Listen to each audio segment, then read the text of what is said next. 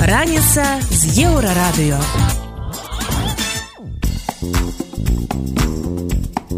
Добрай раніцы вітаем вас на еўрарадыё. Пачынаем праграму раніца з еўрарадыё. Штодзённае шоу пра важныя падзеі, якія ўплываюць на жыццё беларусаў. Галоўнае на гэты момант. Чым скончылася сустрэча лукашэнкі і пуціна две краіны одна эканоміка что такое одна эканоміка это ты не гэта не толькі про падаткі тому что есть наднацыянальны орган якія каардынуе падаткі гэта безумоўна вельмі небяспечна А калі ёсць одна эканоміка навошта нам два урады чэргі на замену сустава павялічваюцца прычым тут рэпрэсіі ожидание хирургического вмешательства Конечно, оно негативно сказывается на любом пациенте, независимо от того, какая это операция. Украина збирается наладживать сувязи с белорусскими дымсилами. Период неопределенности в отношении неопределенной э, позиции офиса Зеленского в отношении э, демократических сил, белорусских демократических сил завершается. Падрабязнасці неўзабаве.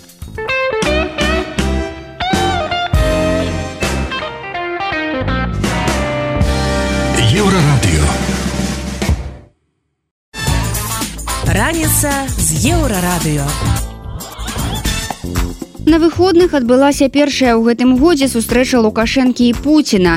Дзеля візіту ў рассіі беларускі кіраўнік нават змяніў свой графік. Увесь дзень 28 студзеня яны правялі разам і шмат размаўлялі тэт-а-тэт. Пры гэтым ніводнай важнай публічнай заявы на працягу дня не прагучала. Між тым лукашенко заявіў, што з пуціным яны сур'ёзна пагрузіліся ў эканоміку і пытанні вайскова-прамысловых комплексаў і думалі пра тое, што рабіць далей. Гэта ж адзначыў і расійскі прэзідэнт. Ён заявіў, што адносіны дзвюх краін цяпер развіваюцца вельмі энергічна. Сустрэча лукашэнкі і Пуціна адбылася напярэдадні вышэйшага дзяржаўнага савета саюзнай дзяржавы 29 студзеня.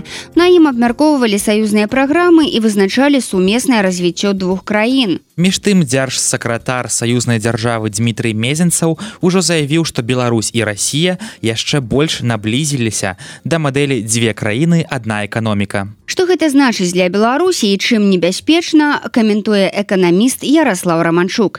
З той пазіцыі, якую мезенца агучыў, ён назваў тое той гасла, якое па сутнасці з'яўляецца вельмі страшэнная такое небяспечная пулапка. Ён сказаў адна краіна, две краіны одна эканоміка что такое одна эканоміка тады не гэта не толькі про падаткі тому что есть наднацыянальны орган якія каардынуе падаткі гэта безумоўна вельмі небяспечна А калі ёсць одна эканоміка навошта нам два урады навошта нам две валюты? Навошта два нам таможні рэгуляторныя сістэмы сістэмы э, судовай і іншай улады? І гэта па сутнасці ёсць такая заява на тое каб паглынуць э, усю беларускую эканоміку сістэму кіравання. Як кажуць у аптымізацыі коштаў Э, вось інтэграцыі ў межах саюзнай дзяржавы трэба просто знесці нейкія э, рэчы могуць пасці на тое каб зрабіць напрыклад э, прэм'ер-міністра зрабіць альбо там некі цэнтр у Москве а потым кажуць ну добра не антыманапольнае рэгуляванне будзе у Менску альбо там не нейкай такі друга ступовы другарадны э, орган дзяржаўнага кіравання. І вось сцвярджэнне мезенцева у кантэксце того что адбываецца ў эканоміках нашай краіны гэта тотальная залежнасць ад інвестыцыяў от крэдытаў от энергії ад рынка збыту ад лагістыкі. Гэта па сутнасці заява на тое каб 24 пятым годзе ператварыць Беларусь у де-факто чачню альбо царстан Пры гэтым мезенцаў запэўнівае што ніякай пагрозы за незалежнасці беларусі у такім збліжэнні з рассей няма аднак эксперты лічаць што ўсё якраз наадварот раніца з еўрарадыё далей у праграме раніца з еўрарадыё чэргі на замену сустава павялічваюцца прычым тут рэпрэсіі ожидание хирургического вмешательства Конечно, оно негативно сказывается на любом пациенте, независимо от того, какая это операция. Украина збирается налаживать связи с белорусскими дымсилами. Период неопределенности в отношении неопределенной э, позиции офиса Зеленского в отношении демократических сил, белорусских демократических сил завершается. Про гэта ды іншае больш падрабязна бліжэйшым часам. Раніца з еўрарадыё.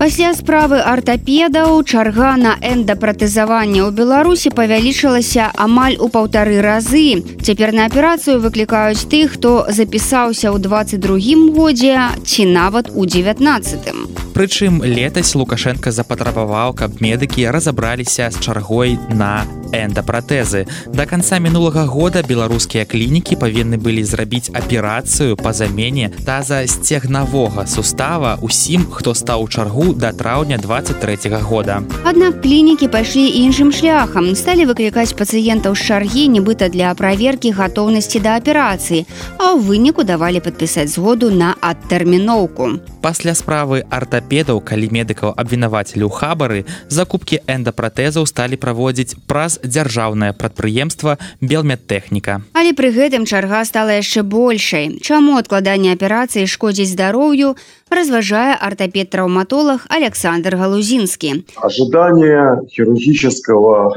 вмешательства конечно, оно негативно сказывается на любом пациенте, независимо от того, какая это операция. Потому что мы прекрасно можем э, войти в положение пациента, который, допустим, испытывает э, боли, и эти боли часто э, плохо купируются, плохо поддаются обезболиванию с помощью, э, допустим, там, таблеток или э, упоров.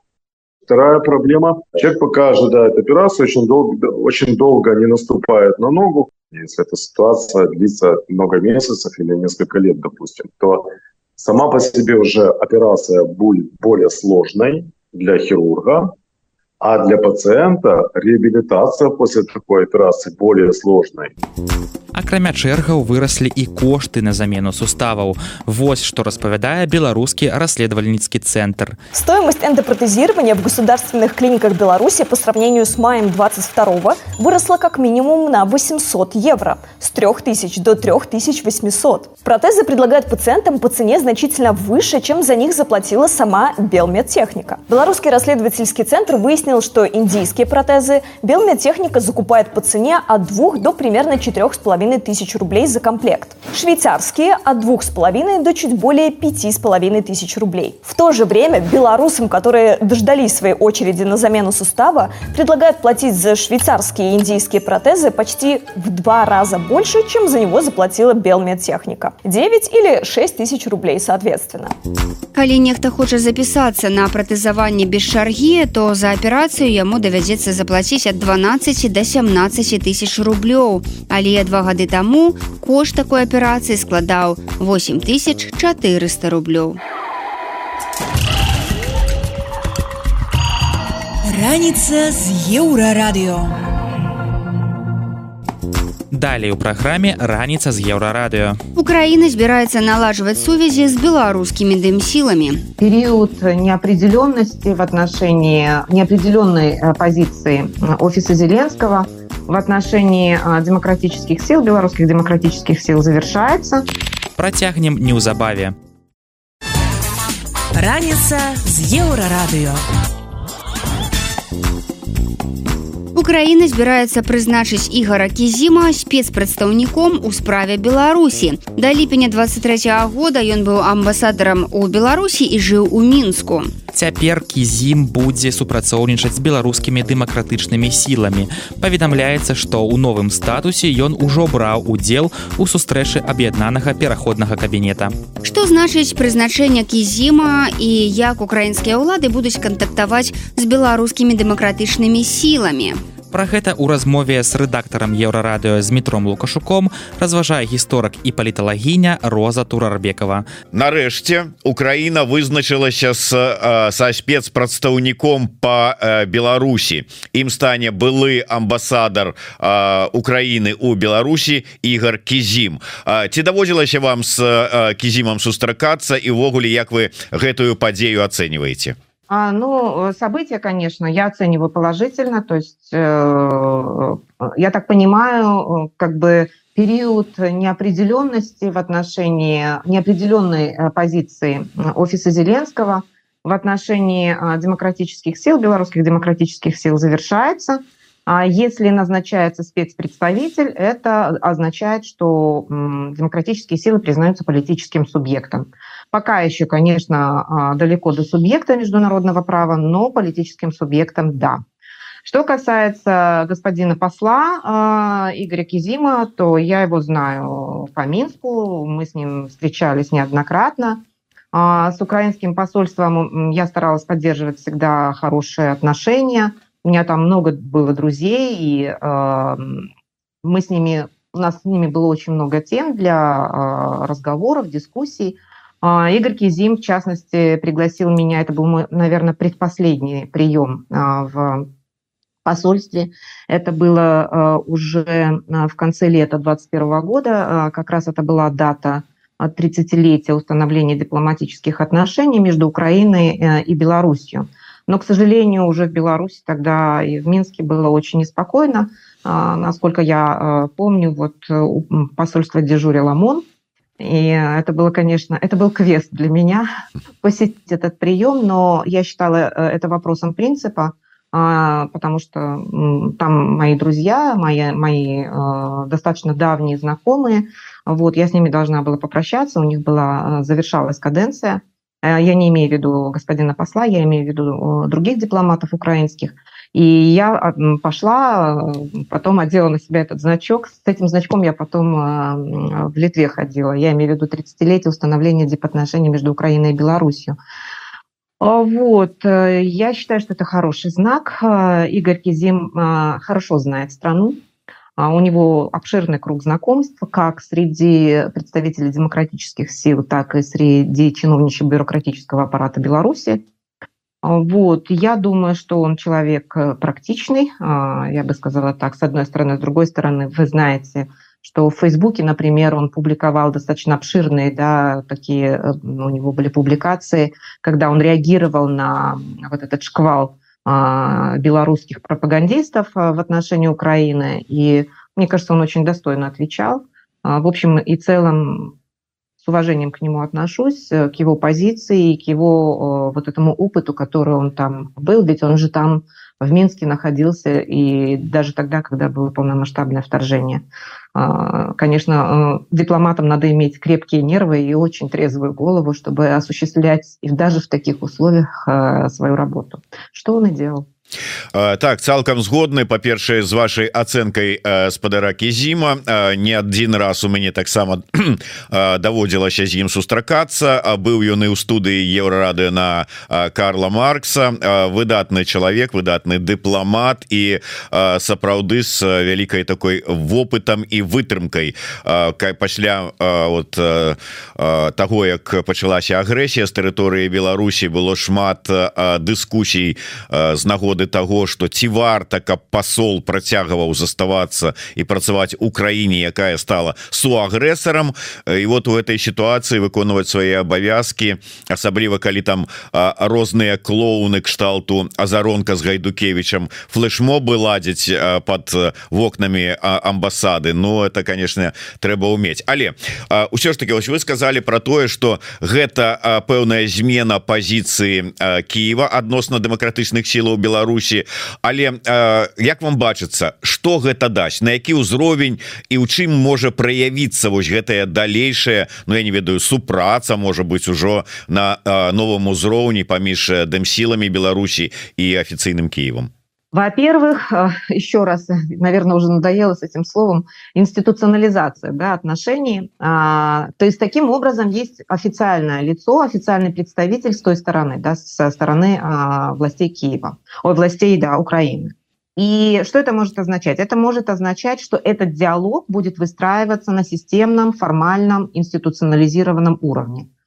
А, может быть, стоит ожидать что-то вроде стратегического диалога, как это с Соединенными Штатами. Вы знаете, что проходил ряд встреч в разных форматах, а, в том числе, скажем так, э, с привлечением а, официальных лиц, в первую очередь, контакты на уровне Верховной Рады, но а, на уровне, скажем так, э, исполнительной власти контакты были э, не такие э, частые, и эти контакты, как правило, носили такой характер, то есть люди отдельные, да, представители ОПК встречались, например, с Михаилом Подаляком, там, это было там несколько встреч. Но это все, э, это все эпизоды. А чтобы эти эпизоды складывались в определенное направление, для этого необходим вот такой вот э, такая, такая фигура или такое назначение. Человек, который, теперь работа которого является установление диалога, его развитие и развитие сотрудничества. Это его непосредственная теперь работа. То есть он каждый день должен работать над этим. Не просто там отдельные эпизоды, не просто там на уровне там приехали, встретились и, и, и дальше что? И дальше опять провал, да, например. Вот, а постоянное представительство. Хорошо, что в свое время а, кабинет а, и Тихановская нашли возможность а, назначить своего представителя, да, а, я имею в виду э, господина Манько. Вот. Но это, это как бы все наши желания. А когда идет встречная как бы, работа, это уже совсем другое дело. Поэтому я ожидаю формализацию, институционализацию и интенсификацию. Я так люблю всякие эти, знаете, выражения. А, я думаю, что 2024 год вполне возможно, что он э, станет в этом отношении для нас более благоприятным. Несмотря на то, что внешняя среда а, и контекст международных отношений складывается не в нашу пользу, я имею в виду не в пользу Украины и не в пользу белорусских демократических сил, к сожалению, пока. Вот, э, но я очень рада, что э, в Киеве, а, в частности, в Министерстве иностранных дел, ну, я так понимаю, конечно, в офисе э, Зеленского, было принято такое решение. А, значит, они мыслят стратегически, значит, они думают о будущем, Будущее, конечно, не с режимом Лукашенко, будущее как раз именно с белорусскими демократическими силами. А, необходимо а, как бы делать ставку именно на это. Кстати говоря, большое спасибо а, нашим западным партнерам. Они подали пример, я бы сказала так. Я думаю, что это в том числе и это сыграло определенную роль. Спасибо. Ну вось дарэчы адкрыю невялічкі сакрэт я адначасова перапісваўся са спадаром кізімам зараз. І запрашаў яго на эфіры віншаваў з прызначэннем на што ён мне адказаў что пакуль что такога прызначэння не адбылося піша Мабуць хтось выдаў бажанне за дзейсне Ну але піша пытанне укруціцца у так бы мовіць калідорах адпаведных а Ну і абяцае як толькі такое прызначэнне адбудзецца абавязкова прыйсці до нас на эфир тым не менш ось паспяшаліся назваць гэтую пасаду на якую будзе прызначаны Ну Мачыма і спадзяемся спадаркі зім спецпрадстаўніком Украины по Беларусі. Ён піша что хутчэй за ўсё гэта ўсё ж таки будзе не спецпрадстаўнік а посол с по асаблівых даручэннях так гэта будзе гучаць. Навошта беларускія прапагандысты публічна падтрымліваюць вайну? Як мяняецца палітыка Киева адносна Беларусі? Працягвае роза турарбекова. Вельмі так зачапіла як лукашэнкаўскія прапагандысты хваляцца у сацыяльных сетках вось гэтымі медалямі нібыта Ну якія можна купіць дзесьці там на алиэкспрэсе за 6 долларов кажуць но тым не менш за содействие СВО так яны называются вот гэта позиция гэта ўсё ж таки прызнанне того что вось мы не толькі на гэтым баку але і мы конкретно подписываемся над под усім тым что робіць Россия в Украине думаю что да. Э, они и изначально не скрывали своей вот этой поддержки. Некоторые бравировали этим некоторые даже ездили туда. а я имею в виду там Донецкую область, э, кто-то даже, по-моему, доезжал до Мариуполя, я сейчас э, э, не вспомню, кто именно. А, конечно, они себя считают сопричастными, у них все с точностью да наоборот, то, что мы считаем минусом, они считают плюсом. Но я думаю, что эти медали, если они настоящие, да, я не знаю, кто им там вручал их, если они настоящие, то они в будущем станут доказательством их сопричастности к военным преступлениям, возможно. По крайней мере, это э, один из, э, как бы, одно из формальных доказательств их э, не просто гражданской позиции, но и деятельности что я думаю должно быть наказуемо. Ізноўку узнікла там пытанне про готовнасць беларускай армии долучиться до российской агрэсии и уступить у войну. Ось Э, азараў э, выступіў у інтэрв'ю э, украінскаму тэлебачанню с этими словамі у той же час скажем там камандуючы сіл украінскіх узброеных якія вось знаходяцца на мяжы Украіны і Беларусі такое ну как бы мінімальным лічыць что такое магчыма з чаго на ваш погляд увогуле гэтая дыскусія аднавілася Я думаю, что это часть определенной пропагандистской кампании с целью опять как бы привлечь внимание к белорусской границе, оттянуть э, определенные силы от фронта на белорусскую границу. А, в общем и целом, это нам известна уже ситуация. А вот единственное, что меня э, настораживает, вот это эм, попытка, э, возможно, в будущем, да, формирования этих диверсионных групп,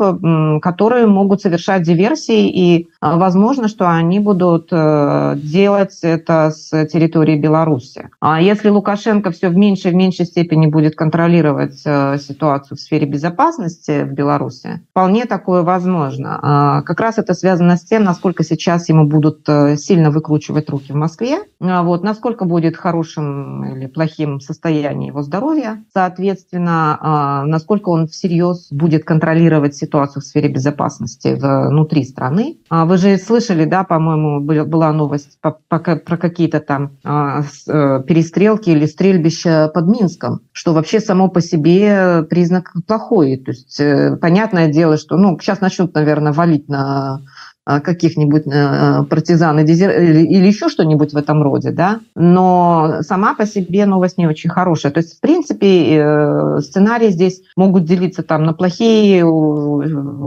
очень плохие и ужасные. Я надеюсь, что все-таки сценарий будет э, плохой, то есть та ситуация, которая сегодня а, поддерживается, вот статус-кво, российские войска с территории Беларуси выведены, стрельба с территории Беларуси, обстрелы с территории Беларуси не ведутся, ситуации. Я надеюсь, что такая ситуация останется и дальше. Это, в, в этом заинтересована и белорусская сторона, даже режим. Вот. И, естественно, что Украина, потому что Украине необходимо концентрировать все свои усилия на фронте, дабы этот фронт не расползался, да, не увеличивался, не оттягивать силы э, и, и, и, и в том числе а, тех пунктах, где идет очень интенсивные военные действия. Вот. Поэтому в этой связи, конечно, затягивание войны э, влечет за собой э, достаточно серьезные риски именно для Беларуси. Вот, собственно, и все. Пока ничего сказать толкового не могу, потому что больше информации у нас у меня нет.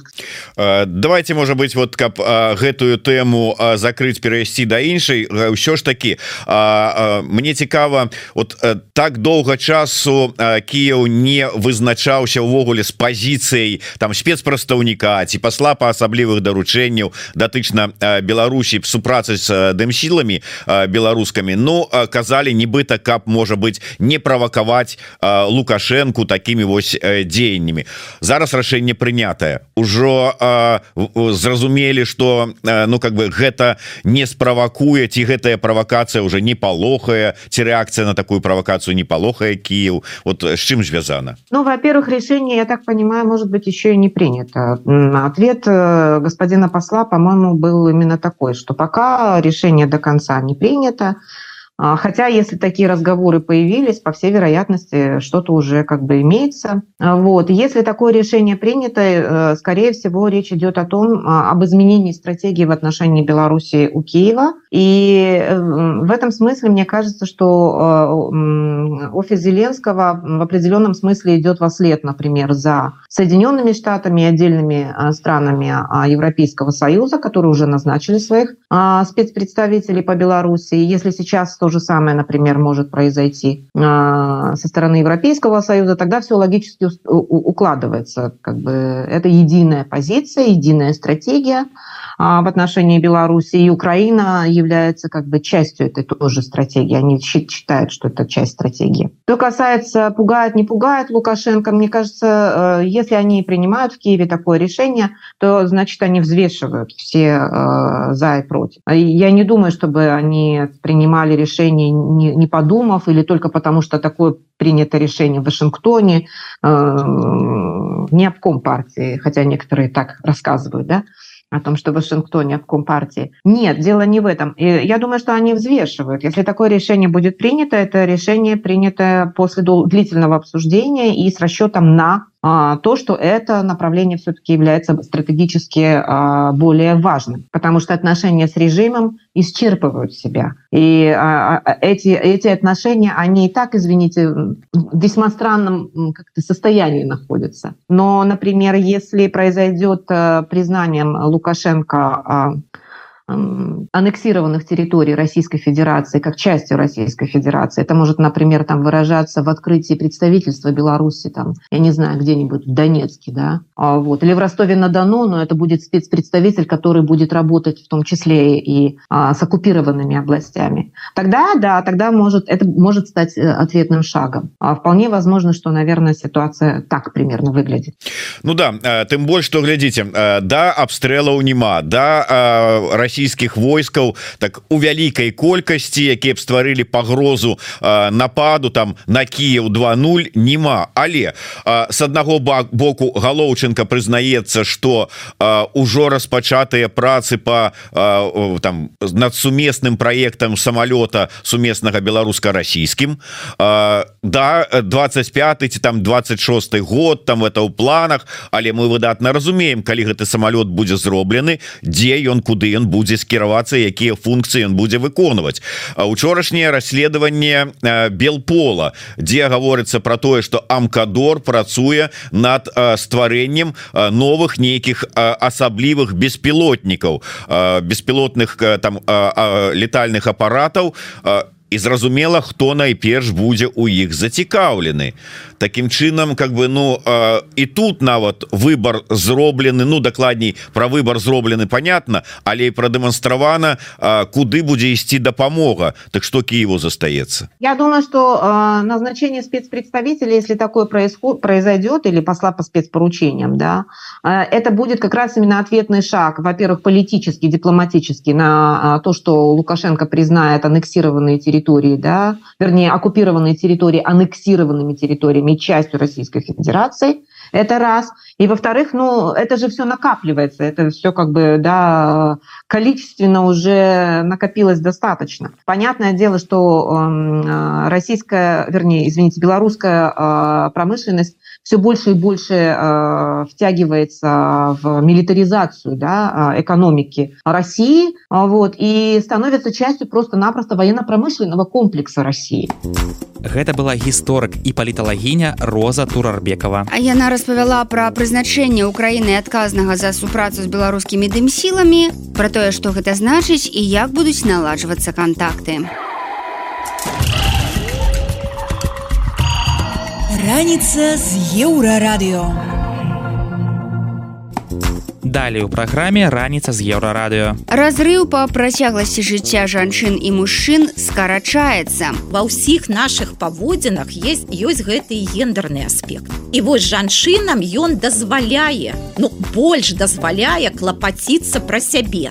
Мужчынам ён амаль не дазваляе музыкаў гурта би2 могуць депортовать у Россию власти э, России намерены вообще найти какой-то любой кейс чтобы продемонстрировать что они могут достать в том числе за рубежом про гэта больш падрабязна бліжэйшым часам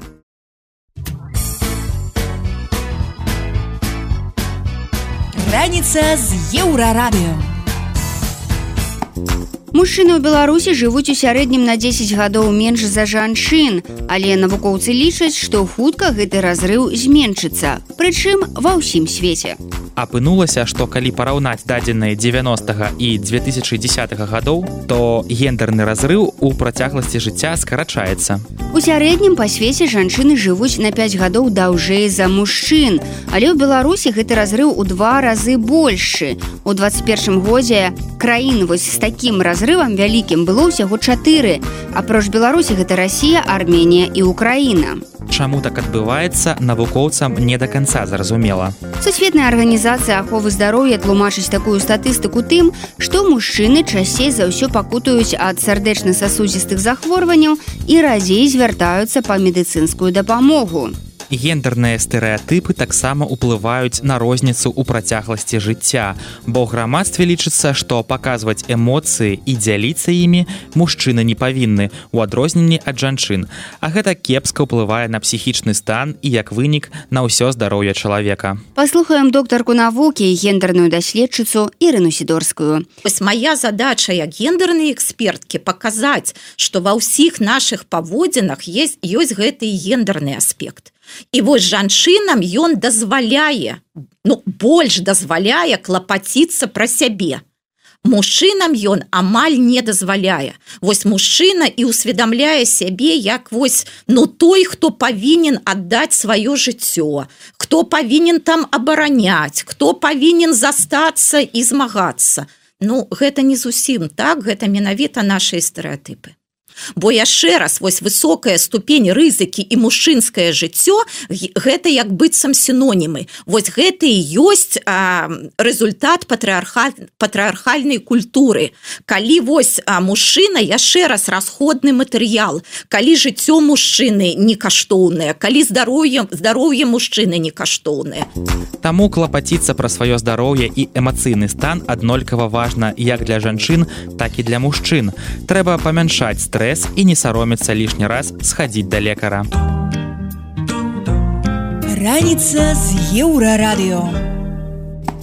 Далей у праграме раніца з еўрарадыё. Музыкаў гурта Би-2 могуць депортовать в Россию. Власти э, России намерены вообще найти какой-то любой кейс, чтобы продемонстрировать, что они могут достать в том числе за рубежом. Падрабязнасці неўзабаве.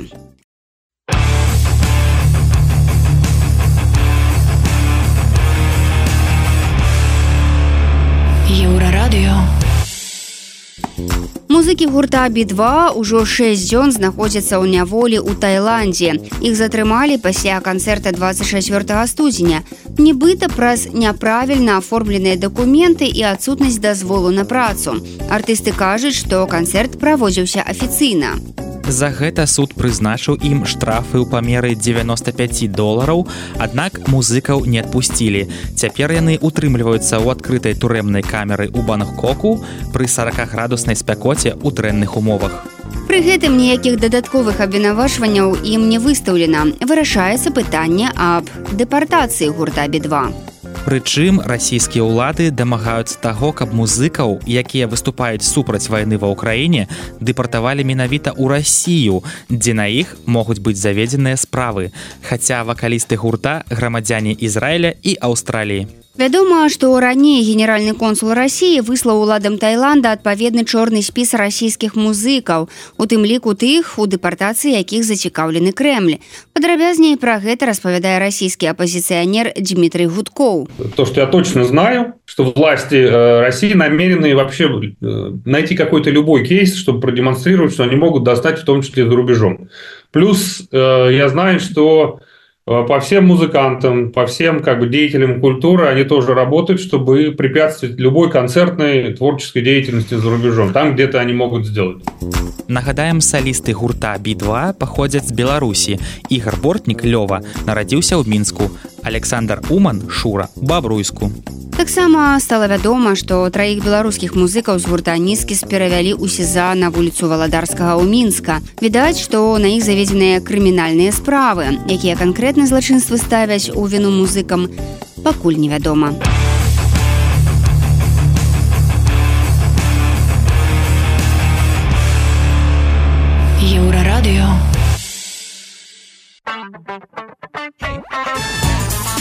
Раніца з еўрарадыё.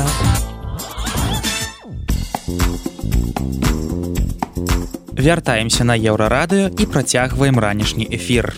Вы па-ранейшаму слухаеце раніцу з еўрарадыё. Інфармацыйнае шоу пра важныя падзеі, якімі жывуць беларусы і іншы свет. І вось што цікавага мы распавядзем далей. Навошта беларусам патрэбныя дэпутаты і якія пытанні яны здольныя вырашыць. То есть начинают все очень сильно этим заниматься. Чаму з краіны бягуць і людзі і бізнес? А сейчас все. Про избыточную рабочую силу, про сокращение никто больше не вспоминает. Пасля пачатку вайны і рэпрэсіі ці засталіся ў Беларусі нагоды для гонару. На самом деле гордиться Беларуси все еще есть чем. Пра гэта ды іншае больш падрабязна цягам бліжэйшай гадзіны.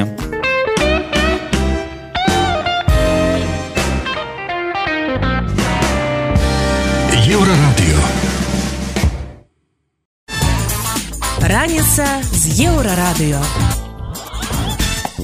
25 лютага ў беларусі пройдзе так званы адзіны дзень галасавання. Пасля яго ў краіне абновіцца спіс дэпутатаў у палату прадстаўнікоў і мясцовыя саветы. Нягледзячы на нібыта важнасць падзеі простыя беларусы не ведаюць ні сённяшніх дэпутатаў у сваёй акрузе ні імёны новых кандыдатаў. І дакладна не вераць што тыя могуць на нешта ўплываць ва аўтарытарнай дзяржаве Але падчас выбараў у грамадзян з'яўляецца акно магчымасцяў, калі яны могуць запытаць у сваіх кандыдатаў, што тыя плануюць рабіць на новых пасадах і чаго здольныя дамагчыся. Дык якія праблемы дэпутаты могуць вырашыць у лукашэнкаўскай сістэме ўлады і як да служак народу дагрукацца простаму чалавеку. На пытанне выданні настоящее время адказвае дзеючая дэпутатка Мінгарсавета Вольга Тесакова. Все, что относится к тому, что вас окружает непосредственно вот в, в жизни. Работа общественным транспортом, поликлиники, детские сады и школы. В том числе там нехватка, и если нужно что-то, например, заменить, поменять, недостаток финансирования, а, все объекты, бассейн, спортивные какие-то объекты и так далее. А, Все, что во дворе, жилищно-коммунальные услуги. То есть не в формате, когда нам включат отопление, потому что у нас есть три очереди. То есть нет, депутату можно, конечно, прийти, он вам ответит, но вам ответ не понравится. Только потому что вы обратились к депутату, к сожалению, ваш дом не включит раньше там больницы или поликлиники. Про изменение законодательства это лучше идти сразу в палату представителей, хотя я ее на самом деле вообще не, не воспринимаю. Я рекомендую сразу идти в Совет Республики. Будет быстрее и эффективнее, это точно. Что касаемо бюджета города, инвестиционные программы, если простым языком говорить, это если нужно построить новый какой-то объект, либо не хватает финансирования на что-то. Вот вам нужно сделать дорогу, а вам говорят, нет денег. Вы такие, окей, в этом году нет, но на следующий вы же еще не распределяли, а найдите-ка нам, пожалуйста, потому что это нам очень сильно важно, нужно. Вот, поэтому это, наверное, один из таких самых популярных у меня шаблонов. Я вложила открытый доступ для вот включения объекта в инвестиционную программу. Вот, и люди этим пользуются, и потихонечку это медленно, со скрипом, но работает. Что делают депутаты? В чем их обязанности? Задача депутата посещать сессии, которые в среднем не реже одного раза в квартал, и не реже одного раза в месяц проводить встречи с гражданами в течение двух часов в каком-то определенном месте из округа. Депутаты могут выдвигаться по округу от места проживания, то есть там, где вы зарегистрированы, либо от места работы. Вот, поэтому, соответственно, если вы работаете в этом районе, то вам удобнее, например, и у себя где-то на работе устраивать прием граждан, особенно с учетом того, какой социальный статус у нас есть у депутатов, которые входят в местные советы. То есть это директора гимназии, завы поликлиник и так далее. То есть в основном это люди, у которых в принципе существует такое понятие, как приемная в целом, где есть секретарь, который принимает заявки, отдельный кабинет, где можно посадить людей.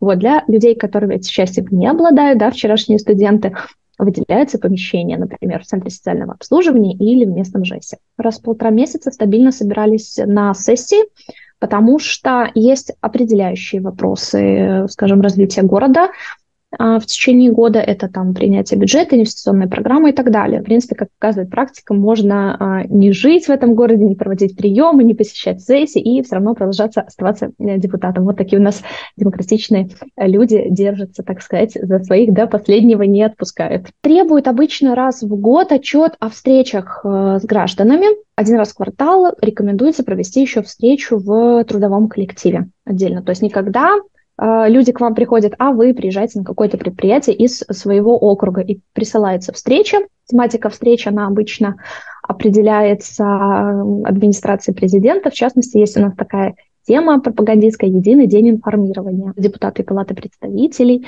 и Советы Республики, и главы замы администрации, и вот депутаты местных советов когда-то в связке, когда-то по отдельности ездят вот с этими темами. И, в принципе, задача вот проговорить основной материал, можно даже зачитать э, с бумажки, и потом ответить на вопросы, скажем, когда дополнительный день приема. Реально ли внести изменения в закон, написав депутату Палаты представителей? Нет, таких, такие случаи сильно маловероятны, то есть у вас должна быть серьезная поддержка, это должен быть как минимум уровень области, то есть облсовет, либо э, Мингорсовет, который обладает э, полномочиями облсовета, должен быть поддержан большинством и внесено как предложение, но его как могут рассмотреть, также и могут отклонить. Как лучше всего достучаться до своего депутата? Надо не звонить, нужно заходить на сайт исполкома. То есть так как депутаты — это такой, скажем, придаток к исполнительному органу власти, то сейчас вся информация находится на сайтах исполкомов.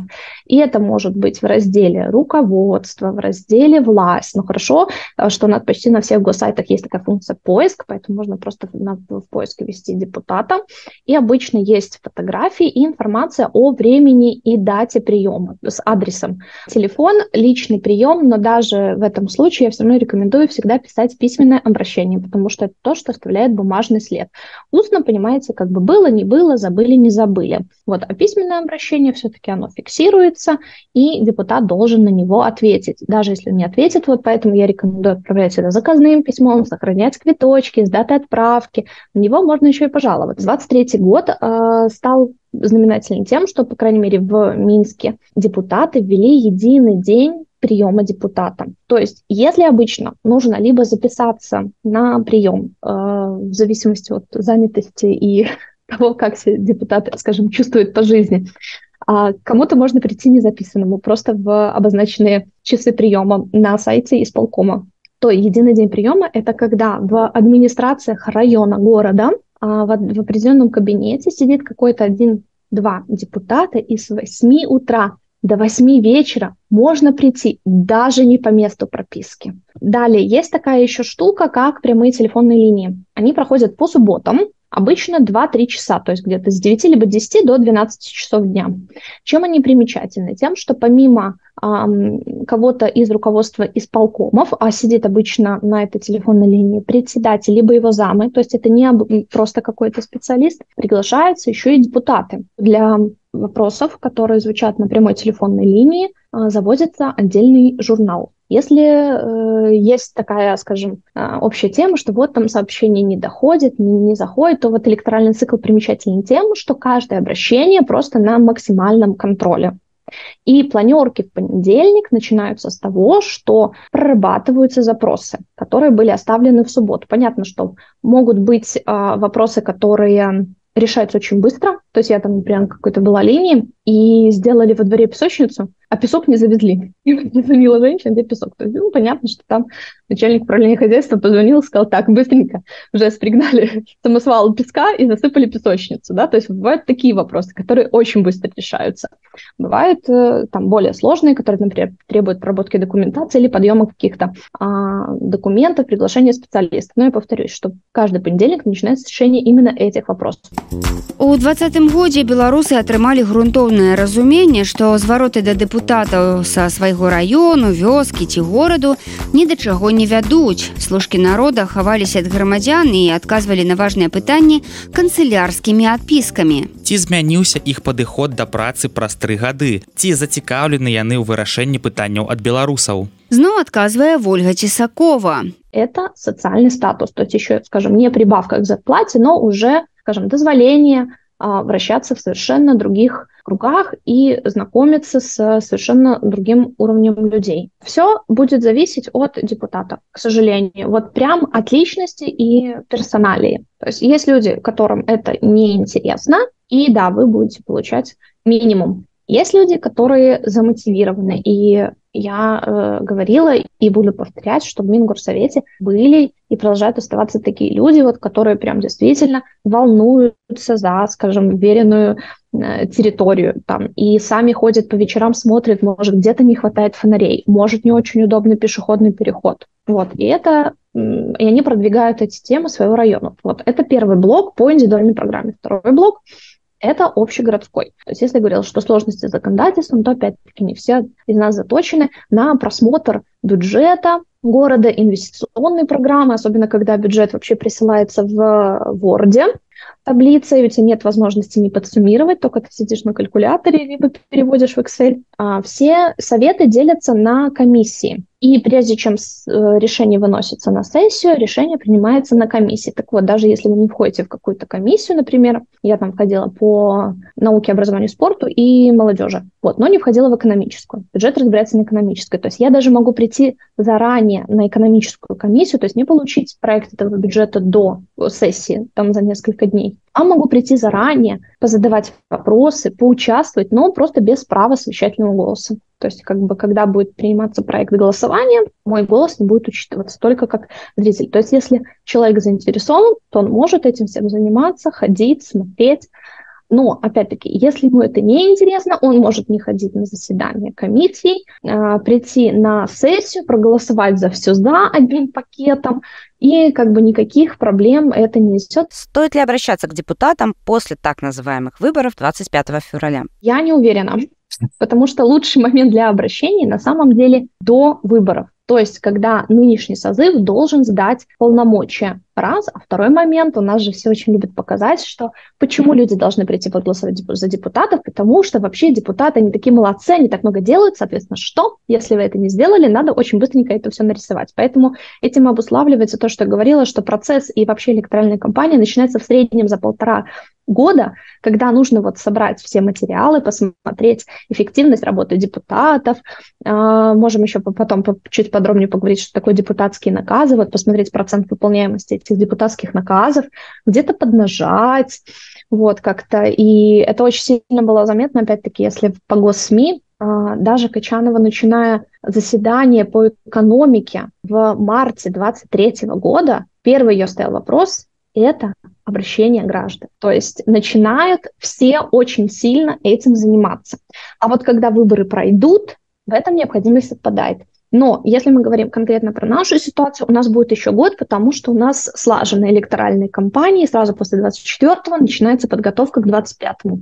Поэтому э, вот этот год теоретически может еще стать тем окном, особенно если новым депутатам надо будет набить очков, что вот мы такие молодцы, мы такие замечательные, мы работаем с людьми. А после 25 года, в принципе, до 28 окно возможностей закрывается. Тогда просто у исполнительной власти не будет необходимости делать что-то для людей. Мы слухали Вольгу Цісакову, дзеючую дэпутатку Мінгарсавета. Яна распавяла, як абіраюцца і чым насамрэч займаюцца дэпутаты у лукашэнкаўскай сістэме ўлады, ці здольны яны вырашаць праблемы грамадзян. Раніца з еўрарадыё. Далей у праграме раніца з еўрарадыо. Чаму з краіны бягуць і людзі і бізнес? А сейчас все. Про избыточную рабочую силу, про сокращение никто больше не вспоминает. Пасля пачатку вайны і рэпрэсіі ці засталіся ў Беларусі нагоды для гонару. На самом деле гордиться Беларуси все еще есть чем. Працягнем пасля навінаў спорту. Раніца з еўрарадыё.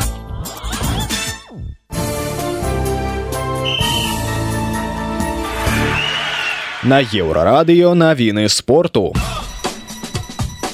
Арына Сабаленко пасля перамогі на Аўстраліян Оупен у абноўленым рэйтынгу застаецца другой ракеткай свету. Амаль на 900 ачкоў яе апярэджвае полька і гасвёнтак. Вікторыя Заранка апусцілася з 22 на 33 месца. У мужчын першай ракеткай свету застаецца серп Новак Джокавіч. Пераможца адкрытага чэмпіянату Аўстраліі італьянец Янік Сінер застаецца на чацвёртым месцы. Беларусы ля Івашка толькі 187.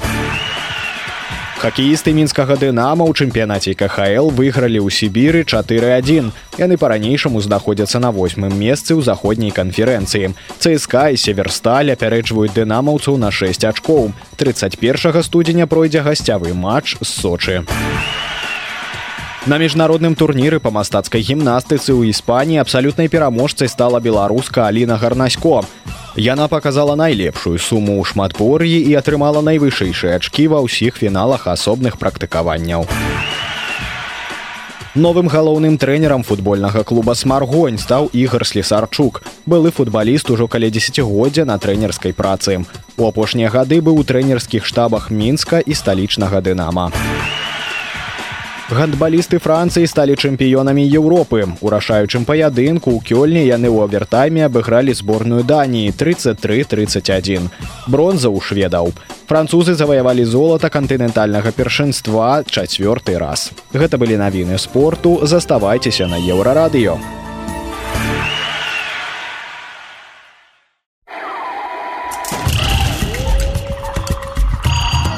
Раніца з еўрарадыё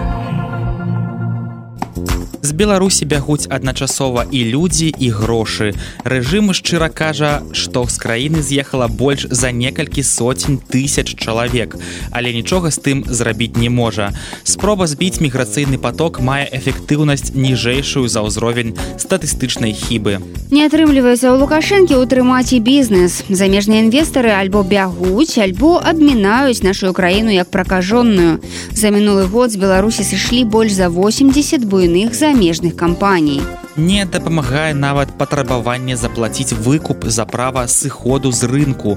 Палітыка рэжыма на сваім досведзе даказвае, што давер цяжка заслужыць, але вельмі лёгка страціць. Ці магчыма скараціць эміграцыю і спыніць сыход бізнеса з Беларусі. На YouTube-канале беларусы і рынок распавядае эканамічны аглядальнік Андрей Махоўскі. Я собираюсь немножко сказать про государственную политику в области привлечения инвесторов защиты иностранных инвестиций и поддержки частного бизнеса. А, на неделе Мингорисполком сообщил, что в декабре в Беларуси закрылось представительство датской компании Nordisk. А, это самая дорогая фармацевтическая компания в Европе. И не первая иностранная компания, которая ушла из Беларуси, и, надо думать, не последняя. За прошлый год свой бизнес в Беларуси закрыли больше 8 десятков крупных иностранных компаний. Три четверти из них – компании из недружественных стран. Если есть такие э, интересы у кого-то уходить с нашего рынка, продать свою долю, то эта компания должна в нашей стране продолжить свою успешную работу. И мы отрабатывали соответствующие механизмы, как заинтересовать, с одной стороны, остаться, работать в компании, с другой стороны, наши интересы республики учесть. Я не знаю, как с интересами республики мне лично почему-то кажется, что массовое бегство крупных иностранных инвесторов интересам республики не очень соответствует. Но заинтересовать компании, чтобы они остались работать, точно не получилось. За прошлый год из Беларуси ушли такие гиганты, как Nokia, Volvo, Siemens, BAT, немецкая SEP, американский Oracle и Cisco. Не помогло даже требование заплатить за свой уход выкуп правительству в 25% от стоимости бизнеса. Если хочешь уйти, заплати 25%, получи разрешение от своей доли и, пожалуйста. Платят и все равно уходят. Novo Nordisk и British American Tobacco, другие компании, ушли уже после того, как было введено требование о выкупе. Потому что те, кто решил уйти, требования выкупа не остановит. Может, разве что ненадолго задержать. Но уход инвесторов, даже уход бизнеса, это не самое печальное. Инвесторы как ушли, так могут и вернуться. Не одни, так другие. Создать для инвесторов приличные условия, и инвесторы к тебе потянутся. Сейчас к людям надо помягче. А на вопросы смотреть ширше. Больше того, если создать приличные условия, так может не обязательно будет ждать иностранных инвесторов. А вот тот самый белорусский бизнес, который ушел из страны, может вернуться в нее обратно если будет видеть э, условия для возвращения. И не просто вернуться, принести с собой деньги, которые он заработал за границей. И таких людей на самом деле хватает. Э, в программе перед Новым годом я как раз рассказывал про топ-100 белорусского бизнеса. И среди этих успешных белорусских бизнесменов есть много таких, которые работают за границей, которые заработали за границей уже много денег. То есть у них есть деньги, у них есть компетенции, и они лучше любого иностранного инвестора, потому что это свои белорусские бизнесмены. Но никакой бизнес не вернется, никакие инвесторы не вернутся, если возвращаться будет некуда. Поэтому худшее, что сейчас происходит, это не отток капиталов. Худшее то, что люди из страны бегут за 2021-2022 год покинуло территорию Беларуси более 200 тысяч граждан. А, причем речь тут идет именно о трудоспособном населении, о взрослых людях. А, в белорусской экономике сейчас занято всего 4 миллиона 147 тысяч человек. В 2020 году было занято, кстати, почти 4 миллиона 900 тысяч. Сейчас на 750 тысяч меньше.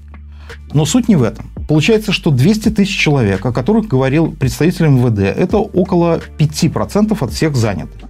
И это если принять цифру 200 тысяч. А выехало ведь на самом деле гораздо больше, потому что статистика, которую привел представитель МИД, не полная.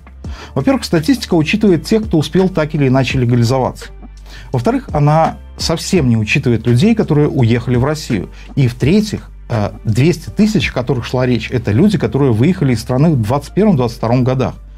23 год в этой статистике не учитывается, хотя в 23 году люди, очевидно, тоже уезжали. Вот осенью прошлого года тоже представитель МВД, правда, неофициально, называл другую цифру уехавших. Говорил про 350 тысяч человек. Ну и, вероятно, эта цифра, она будет все-таки немножко ближе к действительности страну покинули не 5, а скорее 8-9% от общего числа занятых. Не знаю, как вы, я, например, уже в панике. Но хуже всего, что люди ведь продолжают уезжать, что этот поток, он не останавливается. У нас э, нет никакой такой твердой и надежной статистики, чтобы оценить э, количество эмигрировавших белорусов в 2023 году. Но есть некоторые косвенные признаки. Вот именно с весны 23 года руководители белорусских компаний стали говорить о том, что нехватка рабочей силы является главным препятствием для развития бизнеса. Раньше это вообще никакой проблемой не считалось. И это проблема не только для частного бизнеса. Вот э, ну, эти замечательные акции на государственных заводах, там, приведи с собой друга и получи премию. Они что же появились с прошлого года? Раньше было ровно наоборот. Э, раньше для государственных э, промышленных гигантов проблемой всегда был как раз переизбыток рабочей силы. Работников было слишком много, а сокращать их было нельзя. А сейчас все. Про избыточную рабочую силу, про сокращение никто больше не вспоминает. И хлопцы стали разбегаться в разные стороны. И правильно делают. И так дальше пойдет, я тоже разбегусь в разные стороны. А еще один такой, он самый косвенный, но лично для меня это самый важный признак того, что ситуация с отъездом людей ухудшается, что поток иммиграции страны не уменьшается, это поведение белорусских властей. Просто вспомните, что говорили наши чиновники раньше. Они говорили, уезжают с катертью дорогу. Вы тут не нужны.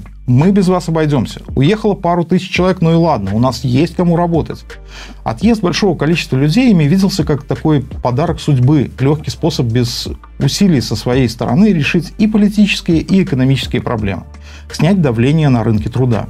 И смотрите, как все изменилось. Смотрите, что они говорят сейчас. Проблема нехватки рабочей силы обсуждается на самом высоком уровне. Про пару тысяч человек больше никто не вспоминает. Наоборот, говорят, что людей не хватает, потому что иммиграция приобрела такой масштаб, что она становится макроэкономической проблемой даже немножко угрозой для национальной безопасности. Да, в стране хватает людей, которые умеют контролировать, проверять, сажать в тюрьму и руководить. Но у всех этих категорий очень нужных государственных служащих есть один малюсенький такой недостаток. Они не производят прибавочного продукта. Ну, собственно, они вообще никакого продукта не производят. Они умеют только отнимать и делить. То есть, чем дальше, тем более остро встает вопрос. За чей счет этот банкет? Кто оплачивать будет? Так неудивительно, что как раз с этого года началась вся активная борьба с отъездом белорусов за границу. Появилось множество плодотворных идей. Идея закрепостить студентов пятилетней отработкой. Идея отбирать дипломы у врачей, которые не работают в больницах. Недавний запрет рекламировать учебу и работу за границей. Ну и все остальные меры, они примерно такие же. Шантаж, угрозы и насилие ну, не получается у наших властей придумать что-то другое. Потому что на самом деле предложить людям нечего, а, кроме замечательная идея, цените, что имеете, и не просите большего. Тогда нужно начинать ценить то, что у нас есть, если не хотите, чтобы было как в Европе и как в Америке. Да і ладно б толькі б заходнія інвестары сыходзілі з Беларусі. Нават апошнія хаўруснікі рэжыму расіяне апошнім часам расчараваліся ў беларускіх таварах праз няякасныя матэрыялы і запчасткі. Праз гэта аўтобусы пад маркай МАЗ, напрыклад, гараць у розных гарадах рассіі, а айчынная сельгазтэхніка церпіць паразу ў канкурэнцыі з кітайскімі аналагамі. Рэжым імкліва губляе расійскі рынок і пакуль не бачна, ці здольны ён выруліць з такога крутога піке. Сітуацыю каментуе эканаміст і старэйшы навуковы супрацоўнік цэнтра Берок Дмітрый Круг. С большой вероятностью да. Вот таких историй пример, который вы привели, их достаточно много можно услышать от бизнесменов. И главная сюжетная линия, которую я слышу, ну, наверное, уже последние как минимум полгода, то, что на многих сегментах рынка интенсифицируется конкуренция. В частности, очень часто говорят о том, что китайские производители все более активно заходят на российский рынок. То есть то, что высвободилось резко в 22-м, и то, что было быстро использовано как новая возможность белорусскими производителями, за счет чего их куски пирога на российском рынке зачастую возрастали. Сейчас эта ситуация меняется. Но здесь сделаю важную оговорку вот эти выводы, они пока больше на опросах, на каких-то внешних признаках. Ну, здесь банальная вещь, у нас нету нормальной статистики, она засекречена просто, чтобы вот с уверенностью говорить. Мы так э, о том, что происходит под водой, говорим вот там по некоторым булькам и по свидетельствам тех, кто заныривал под воду и рассказывал. Так получается. Но из тех хотя бы цифр, которые доступны, вот которые так сводные, то есть в среднем по больнице, которые публикует Белстат, которые публикует Росстат, а что можно сказать с уверенностью? Как минимум застопорился рост физического объема. То есть физический объем – это экспорт в килограммах, штуках, то есть в натуральных единицах. Э, рост физического объема экспорта в Россию, он застопорился во второй половине года.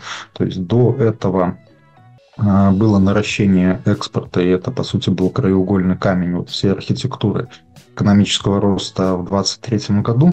Сейчас, как минимум, эта тенденция, она иссякла.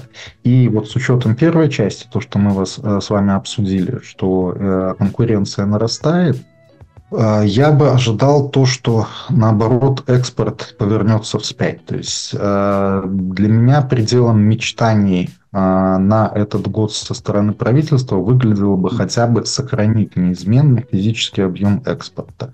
О его повышении, если нету каких-то, тоже здесь важная оговорка, о договоренности там на уровне, что очень часто любят губернаторов, о том, что будут открыты какие-то специальные программы госзакупок, либо будут включены белорусские производители в какие-то там так называемые кооперационные соглашения, вот без этого, то, что иногда еще называют административные инструменты передвижения экспорта, при прочих правдах экспорт э, в физическом объеме будет ухудшаться. И сюда еще вот на ВВП, на архитектуру, механику экономического роста влияет прежде всего это. Но еще есть еще а, важная а, тенденция – это ухудшение ценового, ценовых условий для экспорта, а, ну и в целом для внешней торговли. То есть соотношение экспортных и импортных цен, оно в начале, в конце 22 в начале 23 года вышло на лучше почти за всю историю Беларуси а, уровень. То есть таковое оно было а, очень близко к тому в 2012 году последний раз. Но с тех пор пошло такое скольжение вниз. И сейчас уже к концу 23-го, к началу 24 года вот этот супер э, ценовой благоприятный э, эффект, э, среда, она практически себя исчерпала. И вот то, что можно вновь видеть больше пока из косвенных данных, вот точные ценовые индексы, они доступны до октября, да, последние до октября, которые я видел, но они явно указывают, что вот эта тенденция – а, ухудшение ценовых а, характеристик, соответственно, а, в долларовом выражении, за сколько можно продать этот экспорт и выручка в долларовом выражении, они будут снижаться еще большими темпами. А это уже подкоп не только под ВВП, это уже подкоп в том числе и вот под финансовую стабильность, о которой мы с вами говорили.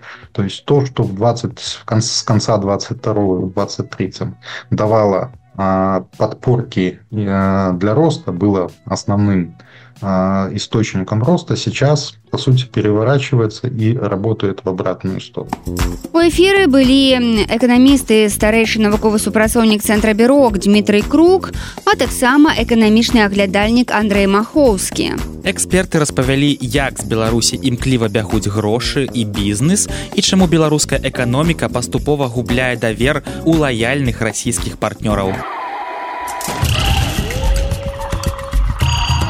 раніца з еўрарадыё Далей у праграме раніца з еўрарадыё. Пасля пачатку вайны і рэпрэсій ці засталіся ў Беларусі нагоды для гонару. сам деле гордиться Беларуси все еще есть чем. Працягнем пасля навінаў шоу-бізу. Раніца з еўрарадыё. Шоу-біз. Шоу-біз. Зыбош. Навіны шоу-бізу на еўрарадыё. Падчас уручэння прэміі грэмі 2024 выканаўцы і пераможцы атрымаюць раскошныя падарункі коштам 36 тысяч долараў ад кампаніі Distinctive Assets, якая адзначае сёлета 25гадовае партнёрства з акадэміяй гуказапісу. Сярод падарункаў будуць веганскія напоі, сродкі па дагляду за скурай, навушнікі з шумапрыглушэннем, ювелірныя вырабы, кнігі ды іншае. Distinctive Assets раздадуць каля 145 боксаў. Уручэння галоўнай музычнай прэміі, якое будзе весці комік, акцёр Трэварно будзе транслявацца ў прамым эфіры на CBS 4 лютага. Гурт B2 выйшаў на сувязь з моманту затрымання пасля канцэрта на бхукеце, падставай да якога, як паведамляецца, сталі няправільна аформлены арганізатарамі дакументы. Музыкі кажуць, што летась ужо праводзілі канцэрты ў Тайландзе афіцыйна з прыцягненнем мясцовых арганізатараў і выкананнем усіх патрабаванняў па бяспецы. Ніякіх дадатковых абвінавачванняў нам не прад'яўлена. Не апошнюю ролю ў затрыманні адыграў ціск звонку. Прычыны гэтага ціску наша творчасць ды нашая пазіцыя лічаць удзельнікі бітва. Святлана Тхановская выступила ў падтрымку музыкаў. Яна адзначыла, што ўдзельнікі групы падтрымалі беларускія пратэсты і выступілі супраць уварвання ва ўкраіну. Вядомы спявак Джастин Тимберлейк абвясціў аб сваім будучым сусветным туры Forget Tomorrow World Tour на вечаровым шоу Джиммі Феллана. Тур стартуе 29 красавіка ў Ванкуверы. Квіткі паступяць у продаж другога лютага.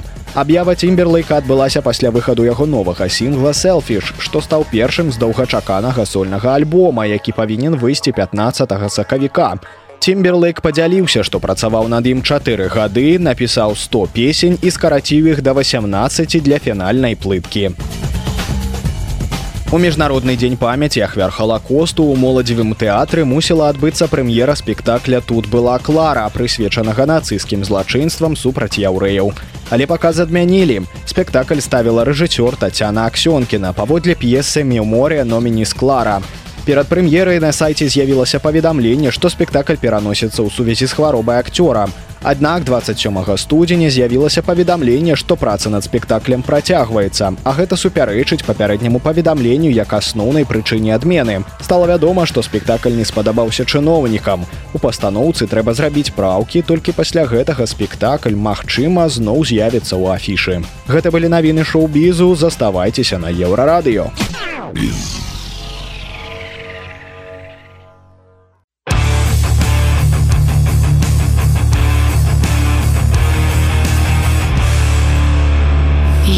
Radio.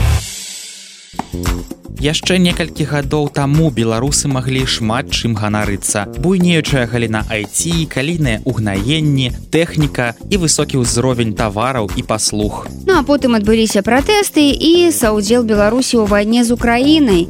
І неяк нагоды для гонару альбо эмігравалі за мяжу і зачыніліся альбо былі нацыяналізаваныя. Ва ўмовах калі сфера вытворчасці гандлю і паслуг істотна змяншаецца ці засталіся яшчэ рэчы пра якія можна смела сказаць. Так гэта зроблена беларусамі На пытанне выдання маланка адказвае эканаміст і акадэмічны дырэктар цэнтру бюрок Лео Львоўскі. Гордиться Беларуси все еще есть чем, э, начиная от э, достаточно уникальных технологий сохраненных. Просто эти технологии надо искать не на МАЗе, э, а, например, на Белазе или на МЗКТ. Там действительно существуют уникальные специалисты. Ну, главное, это, конечно, не сами машины, а люди, которые их делают, разрабатывают, инженеры. Э, этим инженерам, правда, не хватает каких-то менеджеров э, и нормального управления, чтобы все это сделать действительно прибыльным. Э, но, тем не менее, продукцию, которую они производят, действительно можно назвать уникальной и вполне себе потенциально востребованной. Просто сейчас БелАЗы продаются людьми, которые не очень заинтересованы в их продаже. А если вот эти продажи наладить, то уверен, что Э, БелАЗ ждет довольно хорошее будущее. Э, в сфере э, производства продуктов питания в Беларуси все довольно хорошо. Э, да, сейчас мы поставляем продукты питания в основном в Россию, э, но это происходит из-за санкций, из-за специальных ограничений Евросоюза, внутренних.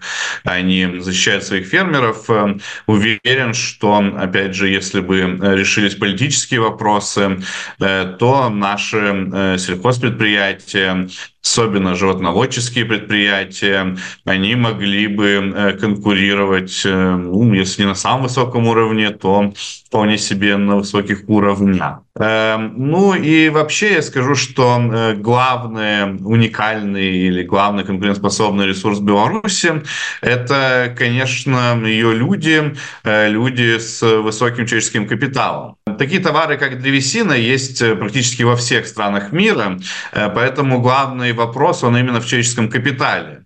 Где найдется предприниматель, который сможет найти хороших работников, которые произведут качественный стол и затем предприниматель сможет э, хорошо этот стол продать, э, найдя э, покупателей. Вот в плане человеческого капитала в Беларуси как раз пока что все в порядке. Правда, к сожалению, в последнее время власти как-то кажется, что делают все, что они могут, чтобы этого человеческого капитала лишиться.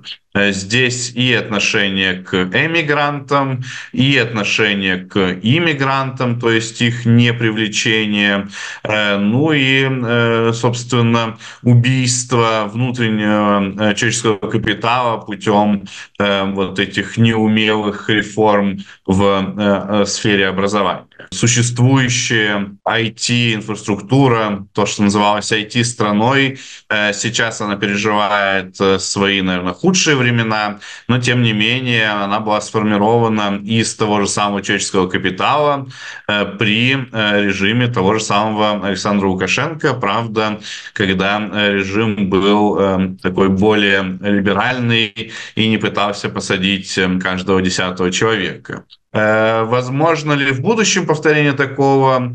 Э, Наверное, возможно, если э, как-то удастся всем сторонам перевернуть страницу, как это называется. Но тут это не только про гражданское общество, но и про власти. Власти пока что не готовы перевернуть страницу, но наверняка в каких-то сценариях мы можем предположить продолжение режима Лукашенко Лукашенко, к сожалению, еще на годы, э, может быть, десятилетия. А это значит, что вырастет новое поколение. Если новое поколение не трогать и не кошмарить, э, то оно вполне может э, развивать свой человеческий капитал. Тут сейчас, наверное, главный вопрос не к биологии рожденных в Беларуси людей, а именно к государству, чтобы государство дало возможность не мешало этому человеческому капиталу расти и развиваться, потому что я напомню, что там э, идеи про э, какую-то обязательную отработку для всех на 5 лет, на 7 лет, которые витают сейчас в голове Александра Лукашенко, это как раз те самые идеи, которые могут серьезнейшим образом ударить именно по человеческому капиталу.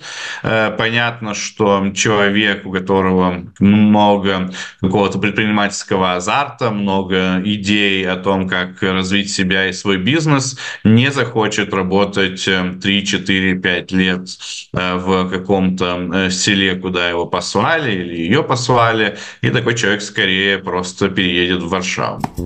А вось чым пахваліцца ўжо нельга, дык гэта свабода інтэрнэту. Рэжым цяпер пераследуе не толькі сМ і блогераў за свабоду слова, але і спрабуе абмяжоўваць магчымасці простых грамадзян. У ход пайшло блакаванне VPN-сервісаў, якія даюць магчымасць людзям карыстацца заблакаванымі дзяржавай сайтамі. Ці атрымаецца у сілавікоў канчаткова навесці парадак у байнеце. Сітуацыю каментуе медыяэксперт Михаил Дарашкевич. Если мы хотим поговорить про использование VPN в стране э, интернет-пользователями белорусскими, то здесь есть несколько аспектов. Э, то есть, если говорить о беспокойности тем, что ну, правительство как-то хочет ограничить доступ белорусских интернет-пользователей к использованию VPN, ну, это постоянная история, как это напоминает бесконечный мультфильм Том и Джерри, то есть они друг друга преследуют, и, естественно, а, нужно понимать о том, что когда вводятся какие-то ограничительные меры, которые мешают а, работе, а, скорее отдыху и развлечению интернет-пользователей, то находятся естественные способы технологические обхода или э, того, что сервисы, которые предоставляют э, доступ, э, они совершенствуются также. Ну и это можно смотреть о том, что просто ограничительная практика, она достаточно неэффективна и э, для экономики, и для развития интернета в стране это пример соседней Российской Федерации, потому что там существует большое количество ограничений для как раз сервисов VPN, потому что они ограничивают доступ к социальным сетям, к которым белорусские интернет-пользователи большую часть времени имеют доступ. И э, особого этого эффекта не имеет, ну, за исключением тех людей, которые выбирают российские продукты и в них живут и находятся. И э, если возвращаться к истории с Беларуси, то тоже Э, естественно, чем больше будет каких-то ограничений, внедрения технологических решений, которые достаточно дорогостоящие, они будут э, затратны достаточно для белорусской государственной, в данном случае, экономики, но их эффект будет не столь э, заметен для того, чтобы тратить время на их постоянное применение. Также, если рассуждать дальше, то э, для чего же используется VPN и процент тех людей, которые отвечают в вопросах, что они используют э, VPN-сервисы. Э, например, эм, если говорить по результатам опроса белорусских интернет-пользователей в стране и за рубежом, то в октябре прошлого года не используют VPN. Э, в стране назвали 46% респондентов, э, белорусские интернет-пользователи за рубежом 39%. Используют VPN только для работы в стране 12%, за рубежом 19%. Ну, это во многом можно объяснить тем, что белорусская интернет-аудитория за рубежом – это зачастую IT-специалисты. И э, далее, если использовать VPN только для личных целей, здесь в стране 25%, за рубежом 23%, и используют VPN для работы личных целей, то в стране 17, за рубежом 20. Э, важно обратить на гендерное различие в использовании VPN-сервисов, и оно эм, достаточно большое, на наш взгляд. Э, то есть разница составляет не использование, не использование. То есть женская интернет-аудитория э, говорит то, что они не используют э, VPN-сервисы, это составляет 40, сейчас 8,3%, а мужская 44,3%. Ну, то есть 4% разницы. Ну и, естественно, достаточно важно а, поговорить, для чего же используют люди, те, которые используют VPN-сервисы. И тут интересная вещь, что это не те вещи, которых, скажем так, опасаются текущее правительство, потому что прежде всего э, люди отвечают, что они используют доступ к заблокированному потоковому контенту. А это что имеется в виду? Видеосервисы, игры и так далее. То есть, условно говоря, если мы будем продвигать запрещение VPN и дальнейшие их ограничения, то оно коснется всех, и Netflix не смогут пользоваться, условно говоря, никто, ну и, впрочем, какими-то сервисами, вот как я сказал, игровыми или какими-то другими видеосервисами. В августе 2020 года, когда была нарушена связанность белорусского интернета, отдельные международные организации считают, что это был даже интернет-шатдаун, а дорогостоящий и проблематичный во всех смыслах для страны, а белорусские интернет-пользователи, например, активно использовали псифон, и использование псифона в Беларуси а, достигло уровня использования Варайна страна, в которой вообще один из самых глобальных лидеров, скажем, в использовании мер по, по ограничению доступа интернет-пользователей каким-то международным и глобальным сервисам, и там постоянно это многомиллионное использование психона, и белорусы достаточно быстро достигли этой цифры. З нами былі медыаэксперт Михаил Дарашкевич і эканаміст і акадэмічны дырэктар цэнтру бюрок Леў Львоўскі. Эксперты эксперты паразважалі ці засталіся ў беларусі рэчы ці праекты якімі можна ганарыцца і ці здольны рэжым увесці кантроль над байнетам еўрарадыё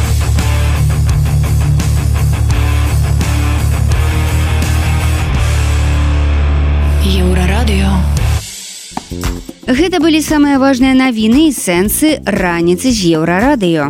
Заўтра ранкам мы распавядзем вам пра галоўнае, што адбываецца ў краіне і свеце. Сустракаемся ў той жа час у тым жа месцы. Беражыце сябе. Пачуемся. Раніца з еўрарадыё.